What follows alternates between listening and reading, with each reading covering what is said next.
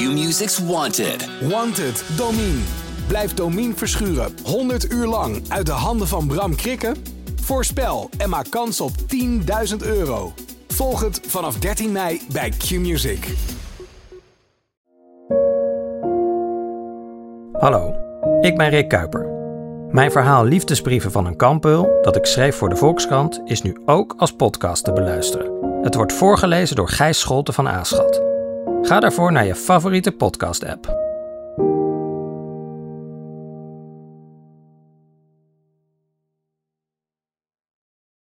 Hallo, mijn naam is Gijs Groenteman. Ik zit niet in een archiefkast op de redactie van de Volkskrant. Ik zit thuis onder de hoogslaper van mijn dochter om een interview uh, aan te kondigen dat ik vorige week heb opgenomen. Het is met iemand die ik leerde kennen omdat hij een petitie had georganiseerd. Of noem je dat? Een petitie de wereld in had gebracht. Nee, hij wilde dat een petitie ondertekend werd tegen de zogenaamde homoconversietherapie. Dat zijn die therapieën, nogal indoctrinerend, uh, waarin uh, jonge homo's uh, uit de ogen van, door de ogen van christelijke mensen bezien genegen, genezen moeten worden van hun homoseksualiteit. En mijn gast is er zelf slachtoffer van geweest. Dat heeft zijn leven zeer bepaald. Ehm, maar het heeft hem niet genezen, tussen aanhalingstekens. Gelukkig maar. Maar hij strijdt wel tegen die therapieën sindsdien. Uh, en daar wil ik het over hebben. En over zijn hele leven. Alles wat hij heeft meegemaakt. Uh, luister naar mijn interview met Jacques Zonne. Jacques, Oh. waar zijn we nu? Nou, je bent eh, net buiten het hartje van Amsterdam. Ja. In de Kinkerstraat in Amsterdam. En eh, lekker bij me thuis. Gewoon Dit is, gezellig. dit is in jouw huis. Ja. En hoe lang woon je hier al, Jacques? Eh, dit jaar op de kop af 25 jaar. 25 jaar. Ja. En hoe oud ben je? Ik eh, word dit jaar 70. Word je al 70? Tja, erg. Ik had je 10 jaar jonger geschat. Ja, Dus toen je hier kwam wonen was je 45. eh, zoiets. Hoe, klopt. en, en- en- hoe was je toen in je Oh, leven? Oh God, god, oh, krijgen we dit weer.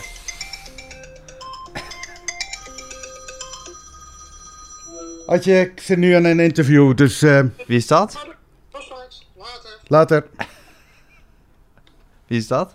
Een goede vriend van me. Oké. Die heeft altijd de neiging om altijd op verkeerde tijd Oh ja, bellen. dat is een speciale talent. Sommige mensen zijn daar Oh, heel goed. in. Ja. En dit is Adje heet hij? Ad, ja, Ad, jij noemt hem Adje. Ja. Die heeft daar een speciaal talent voor.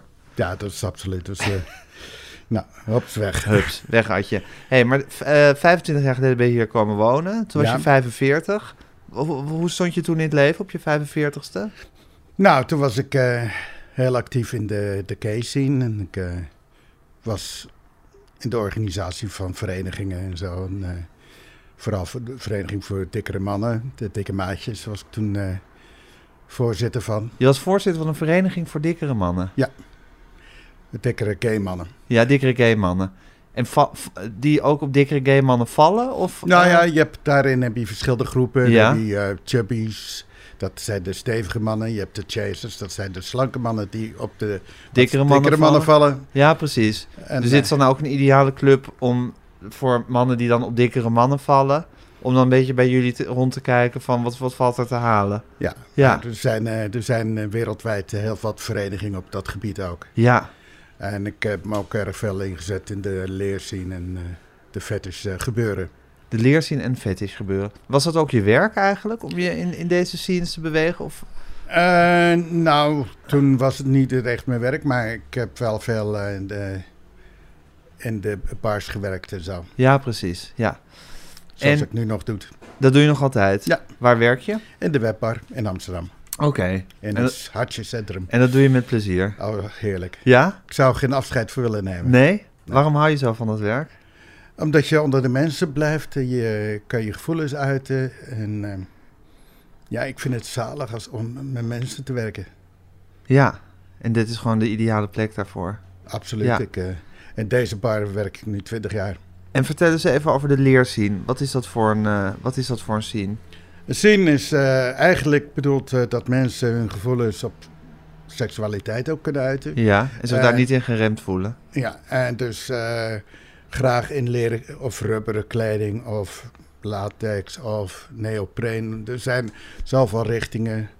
Ehm, mensen die willen hun gevoelens kunnen uiten en die vinden het leuk om dat in een bar te doen met eh bar met mogelijkheden. Ja. En heb jij dat zelf ook, die gevoelens, dat je dat graag wil? Ja. En wat, kan je uitleggen wat, wat de speciale aantrekkelijkheid is van om je in leer te kleden of om met mensen om te gaan die in leer gekleed zijn? Nou, het is. eh, toen ik 17 was, werd ik geïntroduceerd eh, in de leerscene. Dat is al heel vroeg. En eh, ik vond het wel zo spannend al dat mooie zwarte leer. en ja, het stoere mannen gewoon. Het was. het ademde masculiniteit uit. Ja. Het gaf dan gewoon een heerlijk sfeertje. En ook vooral spannend sfeertje. Ja. Dus er is iets geils aan een stoere man in een leren, leren pak. Zonder meer. Dat is gewoon, dat heeft iets, dat slaat aan bij jou. Absoluut. Ja. Kijk maar nou eens. Oh ja, dit is hier een, ja, een schilderij van eh, twee blote billen. Met zo'n leren broek waar de, de billen in zijn uitgespaard, dat zou ik maar zeggen. Dat is eh, Hoe eigenlijk heet dat, een zo'n chaps. broek? Een chaps. Een chaps? En wordt eigenlijk eh, in andere vorm door cowboys gedragen op een, eh, op een paard. Maar dan hebben ze een spijkerbroek onderaan. Ja.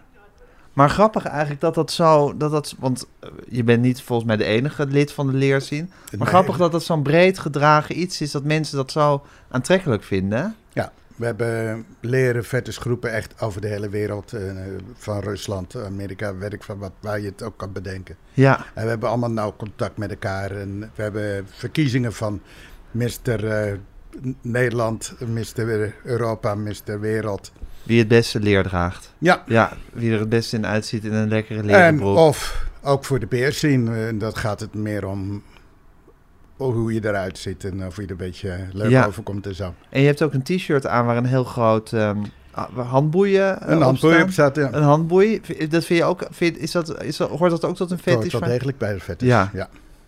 Dus om iemand te boeien of om zelf, ben je dominant of ben je sub? Ik ben meer sub, Je bent meer sub, dus jij vindt het lekker om geboeid te zijn. absoluut. Ja? Ja, dat maakt het gewoon eh, spannend. Ja. Wat een leven, hè?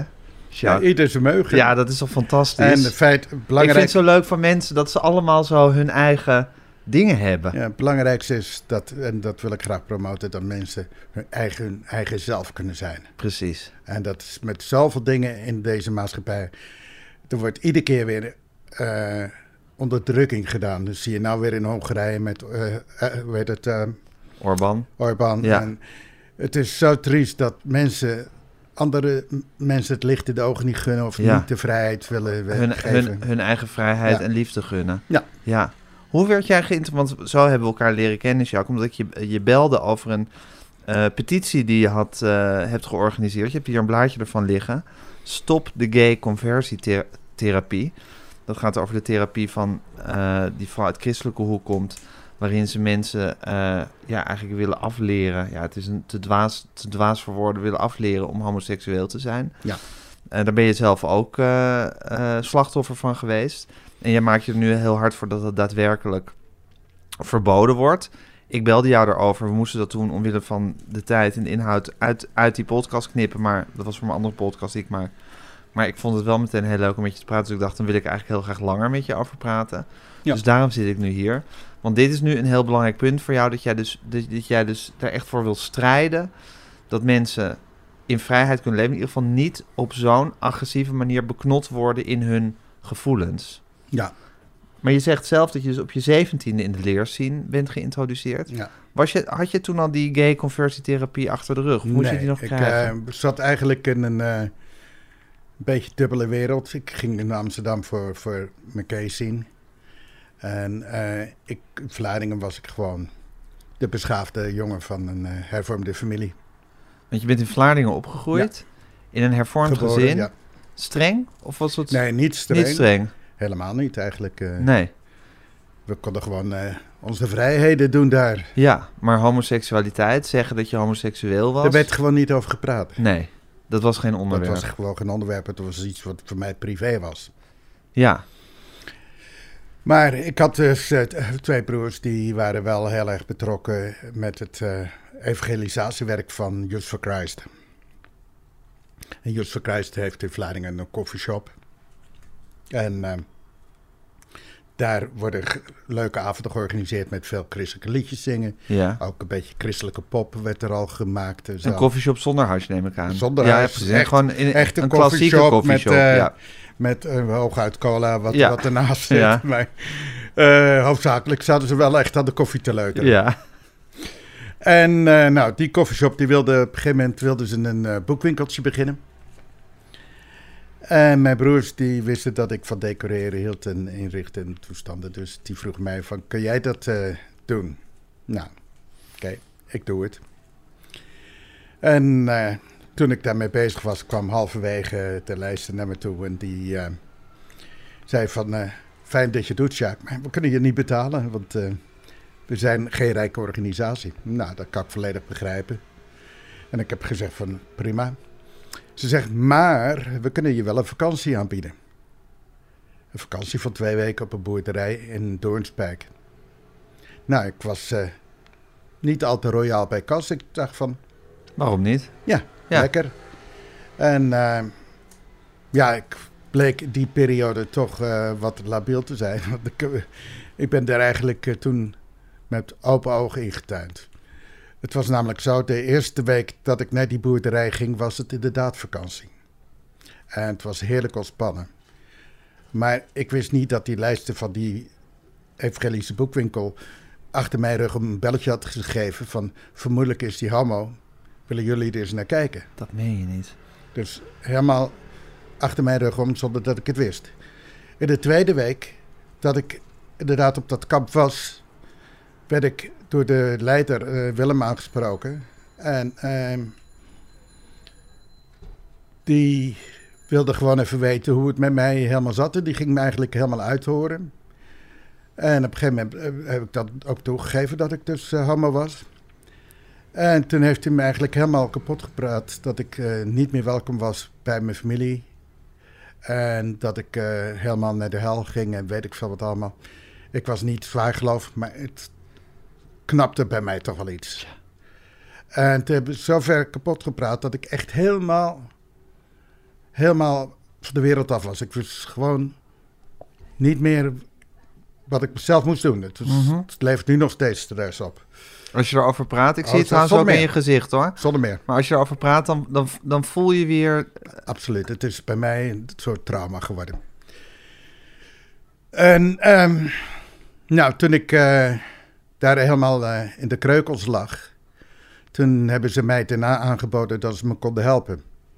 En dat is begonnen met een duiveluitdrijving. Toen moest eh, de hele staf van die En ze zijn natuurlijk ook heel... Sorry dat je even onderbreek, maar ze zijn natuurlijk ook heel vaardig in mensen daarin Absoluut. indoctrineren. En Want ze- dat, is gewoon... Dat is, dat is hun spel. Ja. Dus ze zien een, een jongen van 17 die nog Nou, niet... ik, was toen 21. Oh, je was toen 21. Oh, je was, je was op je 17e Ja. leerzien geïntroduceerd. Ja. Was een, maar ze zien een jongen van 21 die niet zo super sterk in zijn schoenen staat op dat moment. En van wie ze vermoeden dat hij homoseksueel is. En ze weten natuurlijk precies welke knoppen ze je bij in moeten drukken om jou helemaal aan het wankelen te brengen. En als je een beetje labiel bent, is dat voor hun eigenlijk de meest ideale slachtoffer. Ja, tuurlijk. Ja. Dus, hoe, hoe begon? Dus eerst praten ze je kapot op, Ja. een, op een vaardige manier. Met eigenlijk al een grote voorsprong die ze op je hebben. Want ze, ze, ze, Ja, ze pakken jou off guard. Ja. Ze praten je kapot. En daarna, wat, wat, wat, wat doen ze dan daarna? Nou, toen eh, werd er gezegd van nou, we gaan eerst zorgen dat al het kwade uit je komt. Er wordt niet over duiveluitdrijving gesproken, maar het kwade gaan we er weghalen. En toen is eh, de hele staf erbij gekomen, dus er was een mannetje of 7, 8. En die lagen allemaal hand op me. En ik begon eerst gewoon met heel zachtjes eh, te prevelen, te bidden. En dat ging aan steeds harder. Maar ook die handen, die gingen ook allemaal de andere kant uitschudden op mijn lijf. Ik werd echt door elkaar geslingerd. Ja. En ehm, dat ging op een gegeven moment zo heel erg eh, hard dat ik er niet meer tegen kon. En dat ik een keiharde schreeuw gaf. En helemaal een beetje half uh, gammel in elkaar Ja. zakte. En dat noemde zij dus later. Dat dat het moment was dat de druivel eruit was. Dat was Voor mij was het eigenlijk meer Je dat ik van, van, van, al dat gedoe, dat, dat slingeren af wou. Ja. Maar op een gegeven moment eh, wordt er dan daarna zoveel weer op je ingepraat dat je, ehm, dat je op de goede weg bent om een goed christen weer te worden enzovoort. En eh, nou, toen is het eigenlijk uit, overgegaan in een soort hersenspoeling. Ze hebben ehm, bij alles wat ik zei, dus al zei ik van mag ik het pak een kopje koffie of mag ik het eh, pindakaas met het ontbijt, dan zei ze denken later, er je vrouwen kinderen. Continu werd er iets op mij ingeboord voor een goed christelijk man. eh, Dat je een gezond, het, Ja. zeg ik even namens hen, gezond heteroseksueel leven zou gaan leiden. Ja. En ehm, de leider die vond dat ik daar eh, toch wel even een verstandiger was. Dat ik daar wat langer zou moeten En blijven. dit is dus allemaal in die, in die, in die twee weken in die begint dat. week, dus eigenlijk, en dan ben je natuurlijk ook afgesloten van je omgeving. Dat is natuurlijk ook een tijd waarin je ook niet makkelijk kon gaan appen of zo. Dus Nee. je zit, je Telefoon zit, was je er zit- allemaal niet. Nee, je zit eigenlijk in die bubbel Ja. opgesloten. En ze beginnen je helemaal te indoctrineren met hun ideeën over het leven wat jij leidt. Ja. ja en wat je zou moeten leiden volgens hen. En eh, om mij stabiel vast te houden, hebben ze toen eh, al mijn papieren, mijn bankpapieren, mijn eh, paspoort, mijn, alles, mijn uitkering, dat hebben ze allemaal naar hun toegetrokken. En dat verdween in de kluis, zodat ik niet gemakkelijk weg kon lopen. Dat meen je niet. Ja. Ze gijzelden je in feite. In, in principe Ja. wel. En, en zo heeft het eh tweeweekse vakantie heeft bij mij eh, twee jaar geduurd. Heb je daar twee jaar Ik gezeten? heb daar twee jaar vastgezeten. Echt. Dat is. En je wordt zo geherspoeld dat je echt op een gegeven moment gelooft dat je, dat je de genezen homo bent.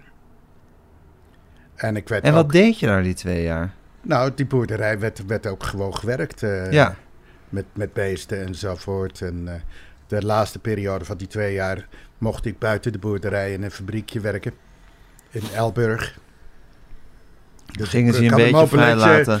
Mijn mobieletje ook heen en weer gaan. Maar ja, ik kon moeilijk eh, eigenlijk wegkomen. Omdat ik, ja, zat er gewoon helemaal eh, vast.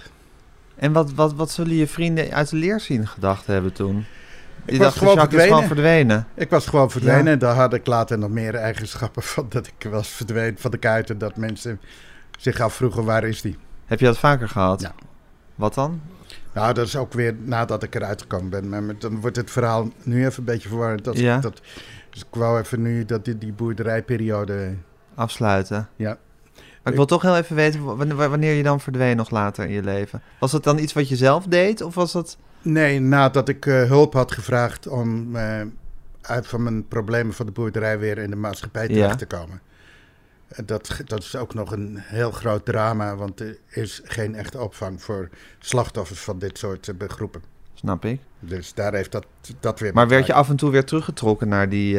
Nee. Dat je verdween? Ik, ehm, daarvoor is, wou ik eigenlijk het verhaal verder vertellen. Ik, Ja. eh, Toen ik in die boerderij, en de, de, de laatste van die twee jaren zat, toen eh, kreeg ik een boekje onder mijn ogen van Johan van der Sluis van eh, de E- EHAH. Dat is de Evangelische Hulp aan Homofielen. En dat is onder de afdeling van het Heil des Volks in, eh, hier in Amsterdam. En die had dus een boekje geschreven, Ik ben niet meer zo.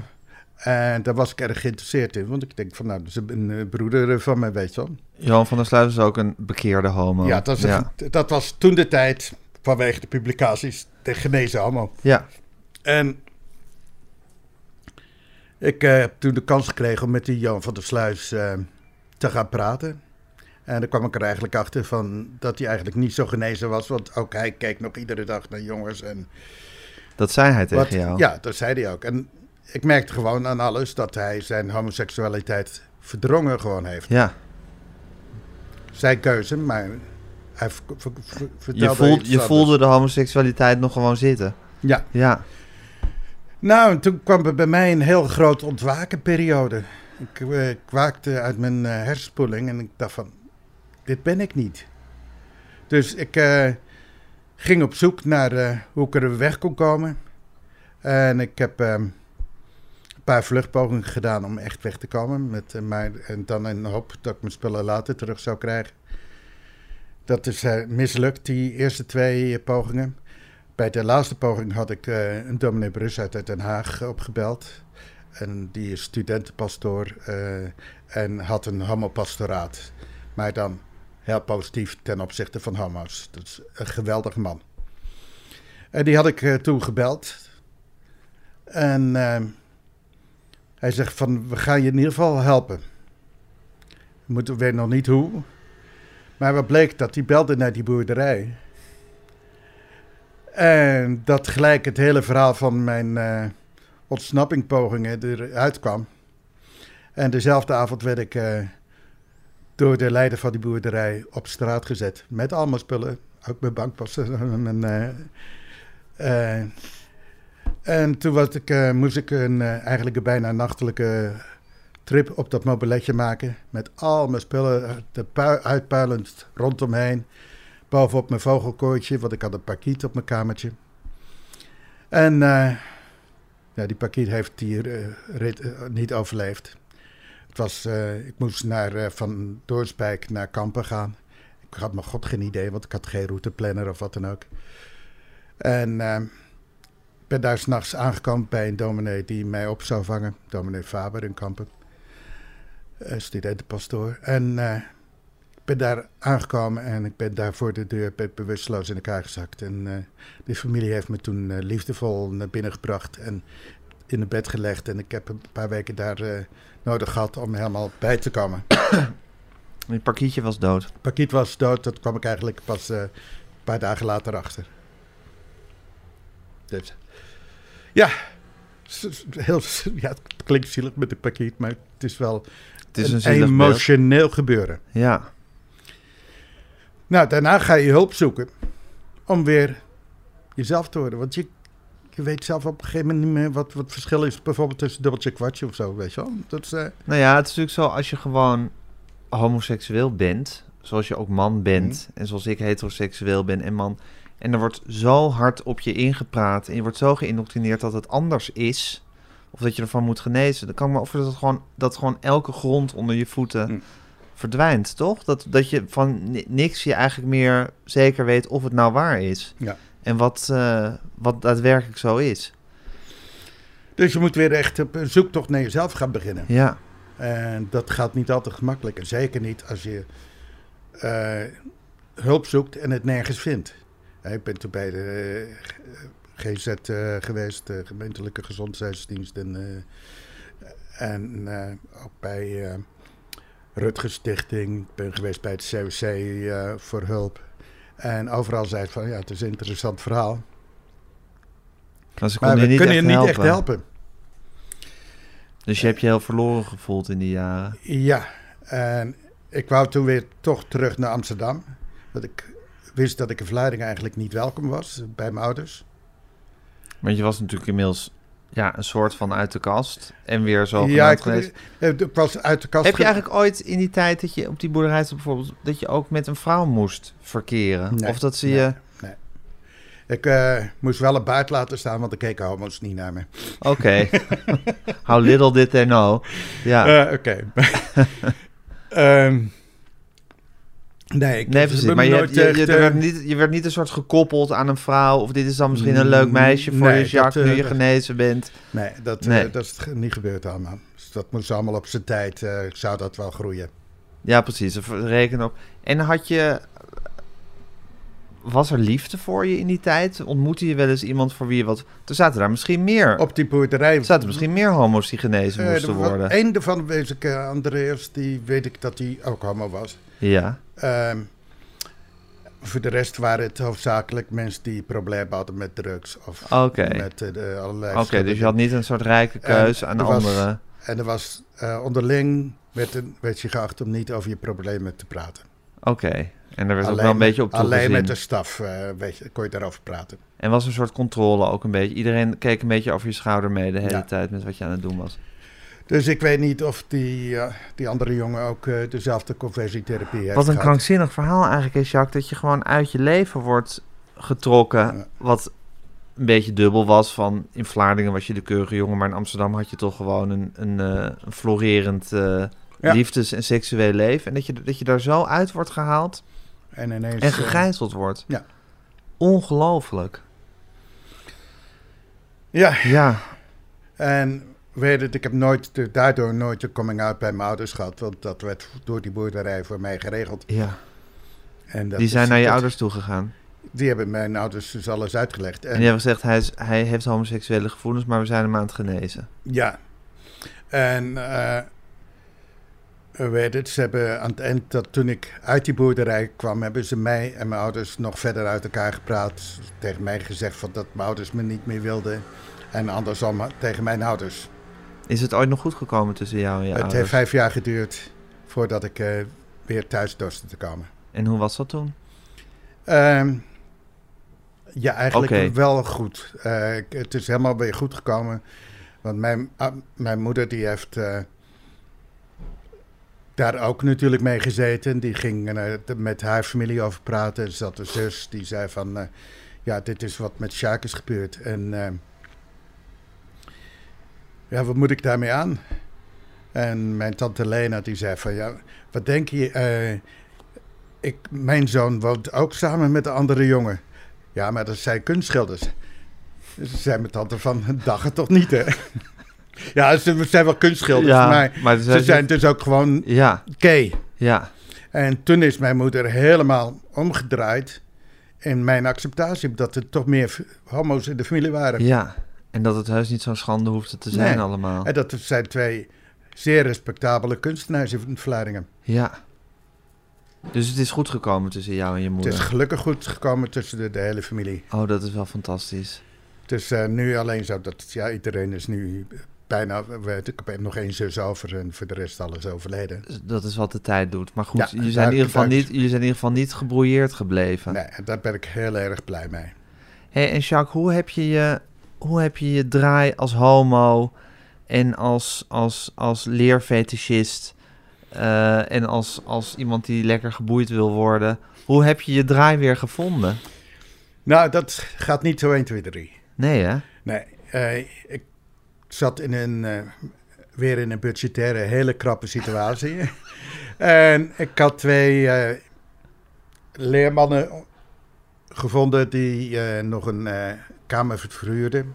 Dus die leerzin is dan ook wel een soort familie misschien dan? Ja, maar ook in de leerzien zitten foute mensen. Zeker, in elke zin zitten foute mensen En helaas. eh, deze mensen die wilden dus duidelijk meer dan eh, de huur die ik gewoon Ja. betaalde. ja, je moest het in natura ook betalen. En, ja, en dat was een hele foute vorm van fetish. Ja? Ja, dat was een, eh, af- eigenlijk ook weer een afschuwelijk drama. Want dat was met veel dwang.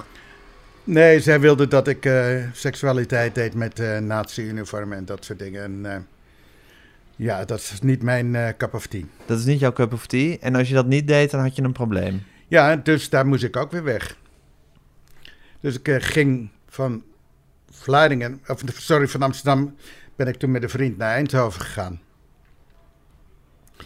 Ondertussen in, had ik in Amsterdam had ik een, bij het COC om hulp gevraagd. Ja. En eh, die konden mij dus niet helpen. Maar toen ik in Eindhoven woonde, kwam ik dit boek tegen. Het boek heet eh, Vrije Keuze. Ja.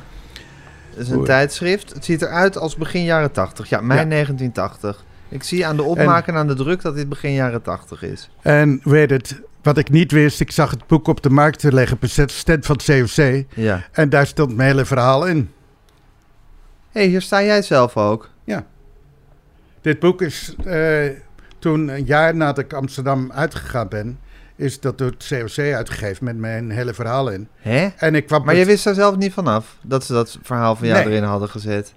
Nee, Dit is dit, dit, dit, je zegt boek, het ziet eruit als een tijdschrift. Tijdschrift, maar ja. goed, het heet Vrije, tussen aanhalingstekens, keuze. En er staat er hoe binnen Youth for Christ homoseksualiteit wordt onderdrukt. Nou, dat is een eh, lekker dicht beletterd tijdschrift. En er staat een foto van jou in je jonge jaren. Ja. Eh, toen had je nog alleen maar een snor en geen baard. Je had ook geen t-shirt met eh handboei. Je had wel een leren, je had wel een leren jas aan, Ja. zie ik. Ehm, dat was op de hoek van de straat waar ik die, eh, dat, bij die homo's woonde. Oké, bij die, bij die eh, de, fout, de Op foute de. Ja. En eh, ik zeg nu leernicht. Is dat eigenlijk een, is dat een, is dat woord not done? Of is dat een beetje op het randje, hè, misschien? Het is daar op een randje, Ja. maar je moet er, ja, er zijn mensen die pakken alles eh, heel erg serieus. Ja, even kijken. Ehm, maar hoe waren ze dan aan dit verhaal gekomen? Dat was het verhaal toen ik eh, bij het COC om hulp had gevraagd. En de hele middag heb zitten praten met mijn eh, gevoelens. En eh, ja, toen hebben ze dat op zo'n manier hebben ze dat uitgegeven. Maar dat is toch heel raar als je iets in vertrouwen vertelt dat ze dat in een tijdschrift Ja. afdrukken. En hoe waren, ze aan, hoe ik- waren ze aan die foto gekomen? Dat eh, was uit een krantartikel wat ik, eh, wat ik had in eh, het jaar daarvoor had ik al eh, krantartikelen geplaatst in verschillende kranten. Ja. Dat kan ik je ook zo laten Ja. zien eventueel. En daar hadden Maar ze die foto daar zit diezelfde foto in. Dus je was een beetje verbolgen daarover dat ze dit Ja, zomaar hadden. eerste Want ze hadden je dus niet geholpen, maar ze hadden wel je verhaal afgedrukt. En later is daar wel een antwoord op gekomen. Want ik was ineens vertrokken uit Amsterdam en zij konden mij dus niet meer vinden. Dus Ja. ik had al over dat ik vaker ineens verdwenen was. En toen hadden zij al dat helemaal voorbereid. Toen hebben ze dat toch uitgegeven. En in eerste instantie was ik ook kwaad. Ja. Ik denk van, daar legt me hele hebben en houden. Ja. Maar dan ga je zitten afweken. Je kan dat boek gebruiken om ook je protesten tegen te doen. Ja. Of je kan er iets tegen aanvechten en dan hebben we eigenlijk helemaal niks. Het is ook goed dat je verhaal verteld wordt natuurlijk. En dat was voor mij eigenlijk eh, toch wel de belangrijkste reden om met het COC en... eh, Dus in je hebt, ervoor, te gaan. je hebt ervoor gekozen om er niet boos over te zijn. Maar om te denken van, nou ja, het is ik eh, gepubliceerd. gebruik het voor... Ik gebruik het. Ja. Hey, en maar je zegt dus over dat verdwijnen, hè? ja. Maar was dat een beetje een ding van jou dat jij, of misschien is het nog, nee goed, je woont al 25 jaar op dit adres, dus je zal inmiddels wel tot rust gekomen zijn. Gelukkig wel. Maar jij kon nogal radicaal eh, stappen nemen in je leven. ja, Dat je, eh, dat je, dat je dacht, ik moet, ik alle moet mijn weg. spullen weg. Ik Het klopt weg. niet. Ik ga ergens anders zijn. En is dat iets wat in jou zat? Of is dat ook een beetje wat gekomen is door dat trauma wat je hebt opgelopen bij de Youth for Christ? Nou, het is, het is een soort vluchtpogingen wat daarna komt. eh, want ja, je zoekt hulp, maar die komt nergens. En het is misschien een heel groot wantrouwen wat je hebt gekregen, of misschien toen had jegens de buitenwereld. Ja. Dat je elk moment erop bedacht bent van misschien, wat, wat, wat, wat zijn ze eigenlijk met me van plan? En ik kan maar beter gauw wegwezen. En ik heb heel veel eigenlijk van de ene plek naar de andere plek gezeten. En ik, eh, ja, Je was een zwerver. Niet een zwerver in de zin dat je ik voor de heb Albert... altijd wel uh, Nee, maar, niet, nee, maar ik bedoel niet dus dat je onder, bij de Albert Heijn zat te, bedelen. Nee, Maar een zwerver als in, je woonde dan weer hier en dan weer daar. En je kon heel maar radicaal... ik ging wel vaker weer terug naar Amsterdam, want dat was toch de stad die me aantrok. Hier moet je natuurlijk uiteindelijk zijn. Ja. Eh, eh, als je het leven wil leiden waar jij van hield. Eh, maar je kon heel radicaal eh, eh, keuzes maken in je leven. En dan eigenlijk zonder iemand ervan op de hoogte te stellen, je boeltje pakken, je Ja. parkiet in je koffer en, en- vertrekken. Ook weer een heleboel spullen kwijt te raken. En spullen kwijtraken. Hey, en Jacques, had je liefde?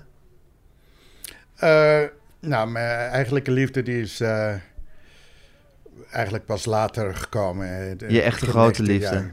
jaar. Begin eind 80 jaren was dat. Had je in die tijd, in, werd je in die tijd verliefd? Of was je gewoon wild? Eh, nou, Het was ook de tijd van de aids, hè?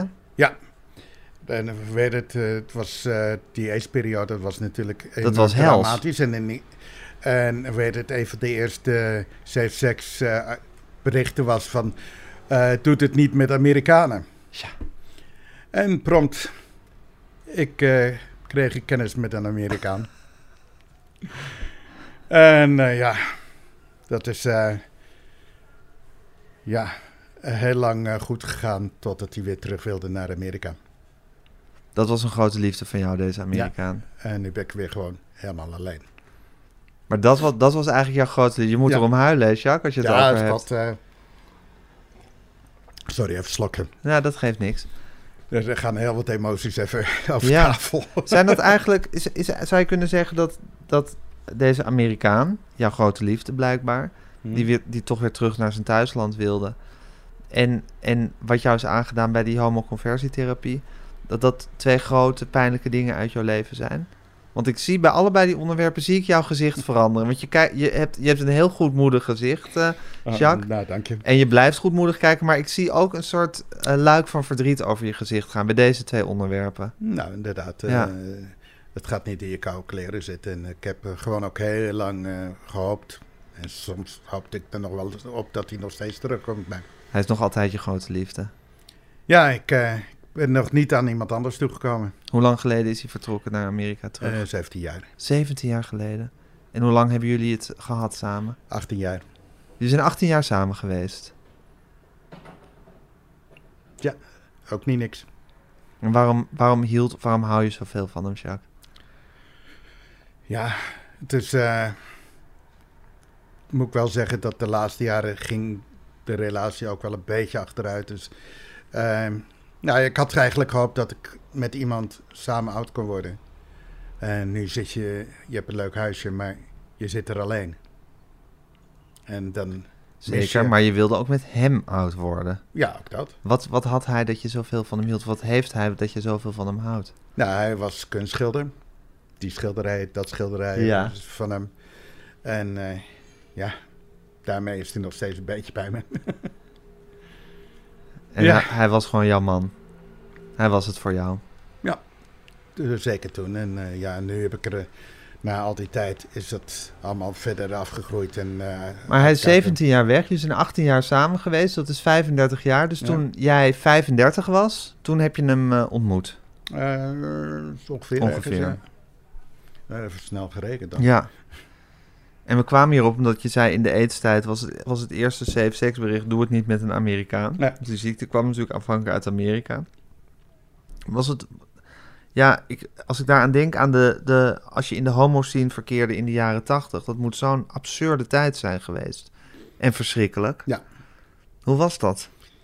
Nou, in die Voor jou? periode, ja, eh, eerst wist je gewoon niet waar, waar je toe was. En je kreeg allemaal valse berichten dat het eh, KLM-mensen waren die het hier naar Nederland hadden gebracht. En Amerikanen die het ervoor voor verantwoordelijk waren. Wat de totale valse voorlichting is geweest, eh, van, ook van de overheid. En dan zie je op een gegeven moment zie je allemaal vrienden rondom je heen eh, wegvallen. En ik heb periodes gehad dat ik zo twee, à drie keer per week aan een graf stond. Dat is toch ongelooflijk, Jacques, om en dat mee te maken. heb ik dat, eh, kon ik daar ook niet meer tegen. Ik heb me ook weer even helemaal teruggetrokken, eigenlijk uit de case zien. En ja, dat kan je op een gegeven moment niet tegen. Dat vreet je en eh, dat is ook weer een emotionele periode geweest.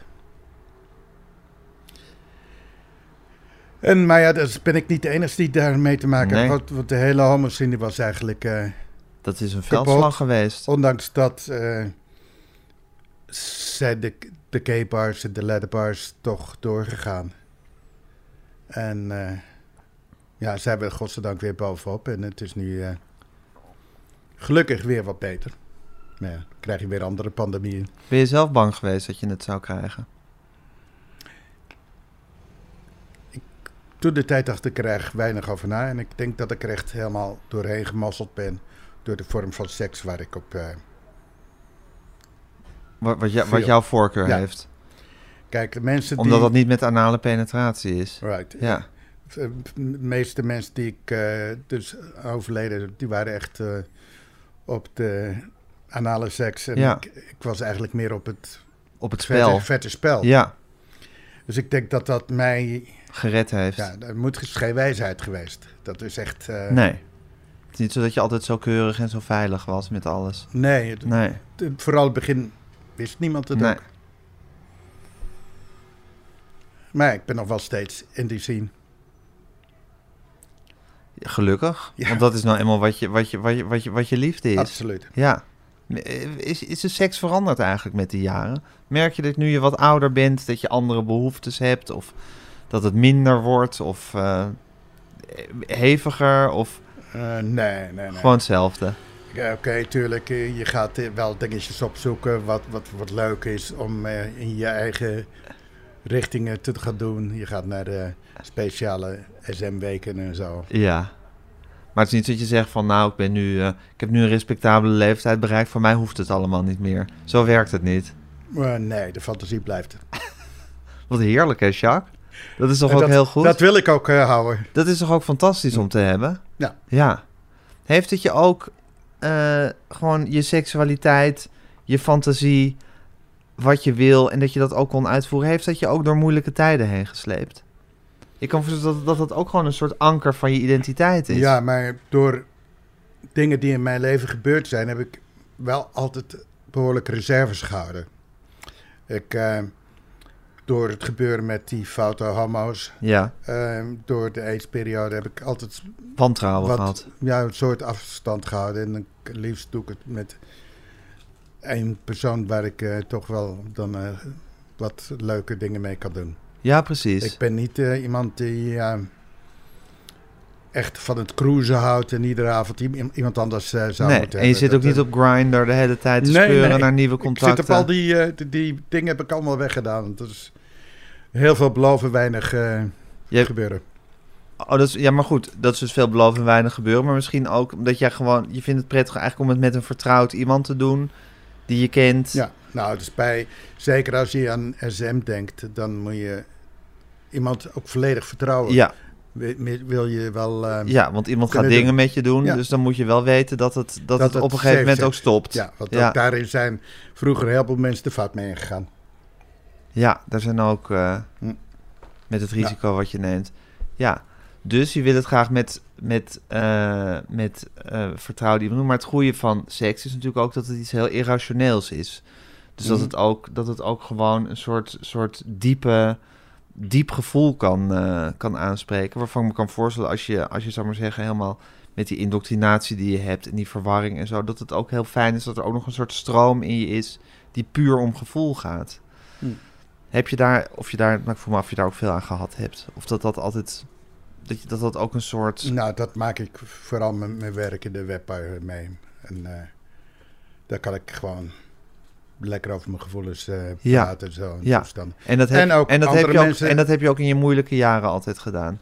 Dat je het, dat je het moeilijk had of dat het... Ja.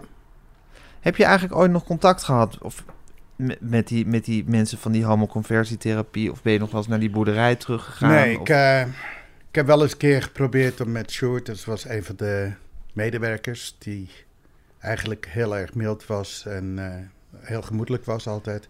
Wou ik een keer eh, praten. Toen ben ik naar de EO Landdag, Jongerendag gegaan. En ik denk van nou, daar moet ik hem tegenkomen. Het was voor mij wel angstig dat ik daar naartoe ging. En Ook een waarschijnlijk beetje of je naar het hol van de leeuw gaat, hè? ja, dat was eh, ook bleek dat voor hun eh, een punt te zijn. Want op een gegeven moment hoorde ik eh, via de luidsprekers van eh, dat er ook de duivel ook in een huis was. Echt waar? En ik dacht van nou, het is een van hun vele praatjes. En een paar tellen later werd ik door vier grote bewakers naar buiten geslingerd. Dat meen je niet. Dus ik was niet welkom. Dus even kijken, je was daarheen gegaan in de hoop dat je iemand tegen zou komen om hem te confronteren. te, te praten van waarom. Hoe, hoe, hoe dat eigenlijk de andere kant in elkaar zat. Wat, wat hun, wat zijn, zijn En hij was een leider geweest bij die, bij Bij die, die bij die boerderij. boerderij waar je Ja. had gezeten. Maar ik heb hem niet meer gevonden. En waarom was je zo, waarom was je helemaal naar die Eeuwlanddag, waarom was je niet gewoon naar die boerderij gegaan? Nou, dat, eh, ik heb één keer, eh, ben er één keer nog daarna geweest na die, eh, nadat ik daar uit op de vlucht ben. Mhm. Eh, toen eh, met een journalist, die heeft toen wat foto's gemaakt dat ik voor die eh, boerderij stond, die foto die je er net zag. Ja. Maar nee, daar heb ik het lef niet voor. Ik, ik heb ook nog steeds, ik weet niet hoe ik het heb gedaan met die EO-dag, maar ik heb nog steeds angst om een kerk binnen te gaan. Althans, als een kerk in, in dienst is, kijk, als een kerk gewoon toeristisch ja. open is, dan vind ik het nog wel Dan wil je er wel doorheen wandelen. Maar, als maar je zou niet praten- op een zondagse dienst zou je niet naar binnen durven. Nee, ik heb ook bijvoorbeeld, eh, we hebben hier in eh, Amsterdam een een regenboogdominee. En dat is Willy Elshorst. Die doet heel erg veel voor de homo-community. En Aha. eh, heeft ook eh, gewerkt aan de conversietherapie verboden te krijgen, onder andere in Polen en zo. Dus ik weet dat hij heel erg positief op staat. En ik, ik heb hem toen bij zo'n demonstratie tegen de conversietherapie heb ik met hem gepraat. Ik zei van ja, ik heb er nog steeds moeite mee. Het is nog steeds een trauma. En ehm, toen zei hij van nou, kom eens een keer langs en praten we er gewoon eens over. Kijken of we dat een beetje de wereld uit kunnen krijgen. Maar ik durf die kerk niet binnen waar die, waar die zit. En uiteindelijk heeft hij dat nu eigenlijk kort begrepen en gezegd van we gaan eens een keer ergens anders eh, zitten om daarover te praten. Maar ik heb al van sinds dat ik uit die boerderij ben alles wat met geloof te maken heeft, van mensen die het echt praktiseren naar buiten brengen. Als een, bijvoorbeeld een leger des helsgroep op straat stond te zingen, dan ging ik echt de volgende straat om. Je bent daar gewoon bang voor.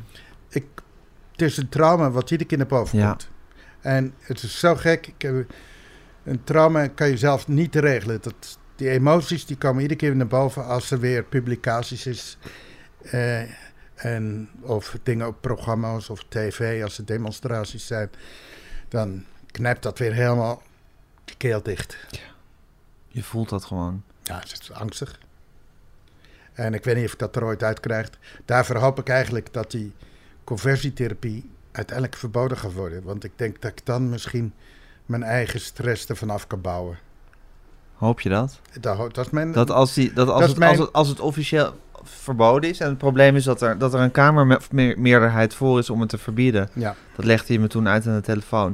maar dat het eigenlijk de, de christelijke eh, ministers zijn... zoals Grapperhaus of Arie Slop... Mhm. die daar dan toch altijd net voor gaan liggen... Dat, die, die toch niet do- door, door durven te zetten... En de PVV en eh Forum voor Democratie, die werken het ook eh, enorm tegen. Is dat echt waar? Met de stemmingen, dan kan je de stemmingen laten zien Ja. in de Tweede Kamer. Daar, oh, die altijd zo zogenaamd voor alle homorechten zijn. Duidelijk niet. Het is toch ongelooflijk. En met welke, op wel, met welke argumenten werken zij dat dan tegen? Ja, ik heb niet bij die eh, vergadering gezeten, dus ik weet het niet wat, wat hun echte beweegreden is. Ik weet wel dat ze tegen hebben gestemd. De, met de SGP, is ChristenUnie. Apart. Nou, die onthouden we even. hey, en Jacques, ehm, jij hoopt dus eigenlijk dat als die therapie officieel verboden is, dat, dat, dat, dat die spanning uit jouw lijf daarover verdwijnt. Ja, nou, het, Is het niet iets wat je gewoon voor jezelf moet oplossen? ja, maar ik ben eigenlijk sinds dat ik jong ben tegen aan het vechten. Dan kan ik erover praten. Maar ik kan er niet over praten als het mijn Als het- eigen emoties betreft. ja, ja, ja. Dat ja. is zo gek iets. Ja, dus ik zit hier, ik kom hier eh, om te praten na, aan de hand van die petitie. En dan is het, we hebben het over heel veel persoonlijke dingen gehad. Maar dan is het toch via, in, in functie, zou ik maar zeggen, ben je dan Mhm. als, als strijder tegen die conversietherapie. Maar als we gewoon eh, op een bankje aan de praat waren geraakt, had je dat veel moeilijker gevonden. Tuurlijk, dan is het he- de hele, andere benadering. En dan gaat, dan gaat die stresshormonen en die, die, die angst, die komt weer boven.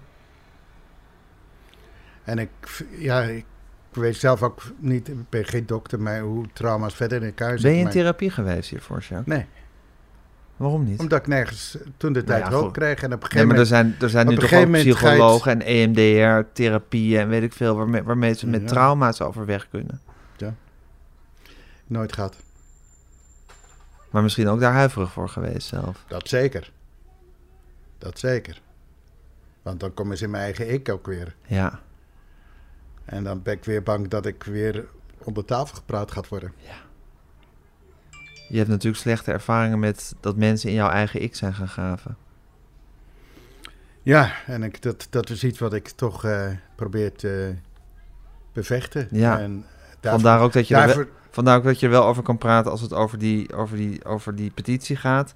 En niet als het gewoon over jouzelf gaat. Ja. Je, moet, je moet jezelf eigenlijk een beetje in de maling nemen daarin. Ja, ja, zo, zo komt het wel op neer. Ik, eh, het is een, eh, ja, iets wat je gewoon niet kan verklaren. Het heeft er zo enorm ingehakt, eigenlijk mijn leven lang beschadigd. Iets wat de minister eh, ontkent dat het eh, gebeurt. wat zegt de minister daarover? Nou, die, die vindt eh, het allemaal niet zo ernstig dat dat levenslang kan zijn. En dat dat verboden zou moeten worden. Ja, bij mij is het echt mijn leven lang een heikel punt. Peri- ik heb ook periodes dat ik er totaal niet over nadenk. En dan kan ik gewoon lekker rustig, ontspannen leven zoals ik ben. En hoe gaat het momenteel met je? Hoe is het op dit moment? Hoe zijn je dagen nu? Eh, redelijk. Ik ben bl- blijf nog steeds aan het vechten. Niet voor mezelf, maar in de hoop dat het andere mensen kan voorkomen. Dat is voor mij mijn Ja. doel nummer één. En het tweede doel is dat als dit eenmaal eruit is, dat ik misschien mezelf meer kan vinden. Je hoopt dat als die therapie eenmaal officieel verboden is en alle ministers gewoon eh, hun werk gaan doen zoals ze dat zouden Klopt. moeten doen, Ja. Dat je dan eigenlijk de rust kan vinden om aan jezelf te beginnen. En eh, ja, ik, eh, en weet het, misschien gaat het toch nog een keer gebeuren dat ik met die eh, dominee, hier, die regenboogdominee, kan gaan praten. En dat misschien wat dingen, pijnpunten weggehaald worden. Heb je eigenlijk nog een gevoel voor God? Nee, eigenlijk niet, nee. Ik, eh, ik heb me er een beetje erg van afgehouden. En ja, Dat snap ik, omdat die hele kerk ertussen Ja. zit. Maar misschien dacht ik, hoop je ook dat als, als dat probleem uit de weg is, dat je weer... Dat ik dacht van, misschien hoop je je grote liefde te vinden, maar je grote liefde heb je al gevonden. Maar die is helaas weer eh, is weer vertrokken naar eh, Amerika. Hm. Nou goed, maar je hebt toch 18 mooie jaren samen gehad. Dat zonder meer. Hè? En we hebben toen ook heel veel gedaan, ook in, de, in onze scene. En jullie hebben veel gedaan, jullie zien. En er zijn mensen die ook weer nooit een grote liefde vinden in hun leven. En zeker met jouw geschiedenis had het ook gekund dat je voor altijd een muur om je hart heen had gebouwd. waar je nooit iemand had toegelaten. Dus het is toch mooi dat jullie elkaar gehad hebben. 18 Ja, jaar en weet het, hij, wilde, hij wilde erg graag een eh beer zien, ook in Amsterdam hebben. En met ook de Mr. Beer verkiezingen en toestanden. ja. En wist amper hoe dat ging. En eh, daardoor eh, kwam ik er ook steeds dieper in. En toen gingen we op een gegeven moment naar Brussel, eh, naar de European Big Men's Conversion. Ja. En ehm, daar was een verkiezing van Mr. Chubby Europe. Ja. En ik zei van nou, mijn lijf geen Polonaise, maar ik ga er niet aan meedoen. Maar we vonden diezelfde middag een leuk berenpak het, eh, in eh, Brussel, want daar hebben ze heel veel carnavalswinkels. Ja. zo. En eh, nou, toch dat pak gekocht. En ik, nou, heeft hij me voor elkaar gekregen dat ik mee ging doen met die verkiezing. Dus ik dacht, ik doe leuk stripties uit dat berenpak. En eh, Ben je Mr. Chubby Europe geworden? toen ben ik Mr. Chubby Europe Dat meen je niet, 1996 Jacques. geworden. Alsjeblieft. Ik zit hier gewoon tegenover Mr. Chubby Europe 1996. Ja. En, ehm, En vertel nee, sorry, 94. Oh, 94. 94, neem me niet Correct. De beker staat daar achter in de hoek. Ja. en ehm, daardoor kon ik eigenlijk ook mee gaan doen met de wereldverkiezing van Mr. Beer in Amerika. Want Mr. Bear, dat is ook dat is een ding. Je moet me eh, de details van de scene even uitleggen, Jacques. Ja. Maar dan, dan heb je een berenpak aan, Nou, of niet? Of is, of Mr. is dat Beer- een grapje? Mr. Beer is baard, Ja, dat je baard. precies. Ja, dat je veel En- borsthaar hebt en, en een Dat baard. kan allerlei verschillen. Dat kan Dat van heet bear. tot... eh, En als een, soort, als een soort grapje heb je toen daadwerkelijk een berenpak Ja. aangedaan. Oké, ik dacht misschien is een oprechte fetish dat je een berenpak hebt. Maar het gaat juist om het, om het harige. Ja. Maar toen kon je dus aan de internationale Ja. Mr. Bear meedoen. En waarom ik daarmee wilde doen, wij wilden toen ook eigenlijk een verkiezing, een peerverkiezing in Nederland organiseren. En ik denk van nou, als ik achter het podium kom en ik mag meedoen, dan kan ik zien hoe zij het organiseren. En wat er allemaal Mhm. achter gebeurt. En ehm, ik doe daar het verhaal en ik word Mr. International Grizzly, Grizzly Bear. Dat meen je 1996. niet. Jezus. Ik eh, had de wereldtitel binnen Jacques. als eerste Europeaan. Ongelooflijk. Dus dat hebben we toch ook maar aan die grote liefde Ook- van jou te Ook danken. wel eh, leuke dingen dus. Hele leuke dingen. Maar ik vind sowieso, En- Jacques, ik bedoel, je gaat wel gewoon voor je seksualiteit. Ja. Er En- zijn toch genoeg mensen die opgegroeid zullen zijn in een hervormmilieu en daarna zwaar geïndoctrineerd, die nooit meer gewoon durven om hun seks te beleven. Toch? En eh, ik wil gra altijd graag gaan helpen dat andere mensen ook Ja, hun... eh, ja maar, dat is, toch, maar dat is toch ook gewoon krachtig van jouzelf, Jacques?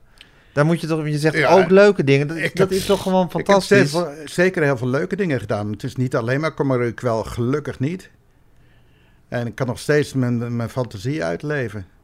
En ook hopelijk dat ik daar voor de andere mensen ook iets kan doen. Want ik ben niet iemand die alleen maar consumeert. Ik eh, ben altijd eh, Je wil ook geven. organisatie geweest. Ja. Ik, eh, ik heb, eh, toen, daarna heb ik, eh, na die verkiezing, heb ik eh, zeven jaar lang ben ik voorzitter geweest van Dikke Maatjes eh, hier in Amsterdam. En met de nettebeers, twee groepen samen, hebben we toen zeven jaar lang de verkiezingen in Nederland georganiseerd. Dus zo is, zo is Nou, de Jacques, verkiezing in Nederland CV gekomen. Ik vind het een cv om u tegen te zeggen. Maar Jo, nog even. Het is dus als, je, als, die, als, die, als die afgrijzelijke therapie verboden wordt... Ja. hoop je dat er gewoon iets, dat er een soort stone uit je shoe, dat er een soort steen uit je schoen wordt gehaald. Dat het, gewoon, Absoluut. het, het, het irriteert je gewoon, het zit je gewoon dwars dat het nog gebeurt. Dat er nog jongetjes van 19 of 20 zijn met een, met een heel gezond seksueel gevoel die op zo'n manier gekleineerd en, en misbruikt worden. En ook de jongelui die door hun familie echt daarin toe Ja. gedwongen worden. Eh, want het is, eh, vaak wordt er wel gezegd dat het allemaal vrijwillig is. Dat is En natuurlijk bullshit. Dat is natuurlijk niet zo. Nee. En eh, de minister Grappenhuis die dan eh, vrolijk zegt van... we kunnen daar niet mee in zee gaan... want we kunnen het verschil niet zien tussen een pastoraal gesprek... Mhm. of homoconversietherapie. Nou, ik denk dat als je dit soort verhalen hoort... Ja. dat je het duidelijke verschil kan zien. Gebeurt dit soort dingen met mensen die echt op boerderijen soort worden vastgehouden of daar wekenlang, of soms in jouw geval zoals jarenlang geïndoctrineerd worden? Gebeurt dat nog Ik, eh, steeds? het gebeurt nog steeds. Er zijn nog steeds 15 organisaties in Nederland eh, werkzaam daaraan. En die het openlijk doen. En die dat eh, ook op zo'n, op zo'n manier doen? Dat ze echt gewoon mensen Ja, zo ik- lang soort vasthouden? Ik kom niet echt meer in die inrichtingen terecht. Dus eh, hoe, hoe ze dat nu Nee, heden te dagen ze doen dat ook geheimzinnig natuurlijk. Ja, Dat gebeurt allemaal niet openlijk. nee. En dat is eigenlijk het grote risico voor de toekomst. Want je kan dat in een hele kleine huiskamergroep... kan je dit Ja. al bereiken. Je hebt eh, gezien met bijvoorbeeld die familie in eh Drenthe... Die, eh, waar de vader eh, de kinderen eigenlijk eh, gewoon indoctrineerde en vasthield. Ruinerwold, ja. Ja, maar het gebeurt nog, denk ik, veel meer op meer plekken dan we weten. En daarvoor vind ik dat er, ja, dat daar toch een daadwerkelijke boete op moet komen. En ook hulpprogramma's voor die mensen die daaruit komen. Ja. Jacques, ik vind je strijd fantastisch. Ik vind het heel goed dat je hier tegen blijft verzetten en, en je daar boos over maakt. Ik vraag me wel af of dat het probleem in jouzelf zal oplossen. Dat weten we natuurlijk niet, Nee. tot dat moment dat het zo is. Ik zeg ook alleen van, ik hoop dat Je hoopt daarmee eh, mijn... eh, dat ik het Maar kan als het, nog al, als het nog altijd zo'n ding is, zou je dan toch niet eens gewoon naar een goede psycholoog gaan? Of gewoon eens... ik bedoel, Ik weet dat ze dan in je ik gaan graven en dat Hmm. dat, dat, dat niet makkelijk voor je is. De- dat is iets waar ik eh, heel veel moeite mee heb. eh, want ik heb eh, bijvoorbeeld. ehm, ehm, als ik. Gek is, ik zal een voorbeeld geven. Ik kan er over praten. Maar ik heb bijvoorbeeld heb ik onder, wel eens een, bij andere tijden is er Ja. een, een documentaire over me gemaakt. En die kan ik tot op heden dagen kan ik zelf niet zien. Ik heb hem daar leggen op een eh, cd'tje. Ja. Er zijn mensen die hebben gezegd van... Ik wil bij je komen om samen met je te kijken... Dan een, eh, of eventueel zelfs je vast, hand vast te houden. Als, zodra het in die richting gaat, dan, dan komt er angst over. Te pijnlijk. Ja. Ik vind het heel verdrietig voor je, Jacques. Tja, maar ja, ik zal ermee... Het zijn de kaarten die je gedeeld Ja. hebt gekregen. Maar ik vind ook wel weer dat je er fantastisch, met alle moeilijkheden, dat je er ook gewoon wel wat van maakt. Nou, als dat eh, niet had gedaan, dan was het echt Ja. een, eh, een groot drama geworden, het leven. Want eh, ja, het leven valt altijd niet zoals je eh, zelf plant. Maar ik weet wel dat ik, er- dat ik ervoor wil gaan en dat ik er toch iets mee wil doen. Ja. En je wil je liefde leven zoals, het, zoals je het wil. Je wil je fantasieën leven zoals je ze wil. En je gunt dat eigenlijk aan iedereen. Dat is, eh, Dat is de bottom line. Ja. Ja.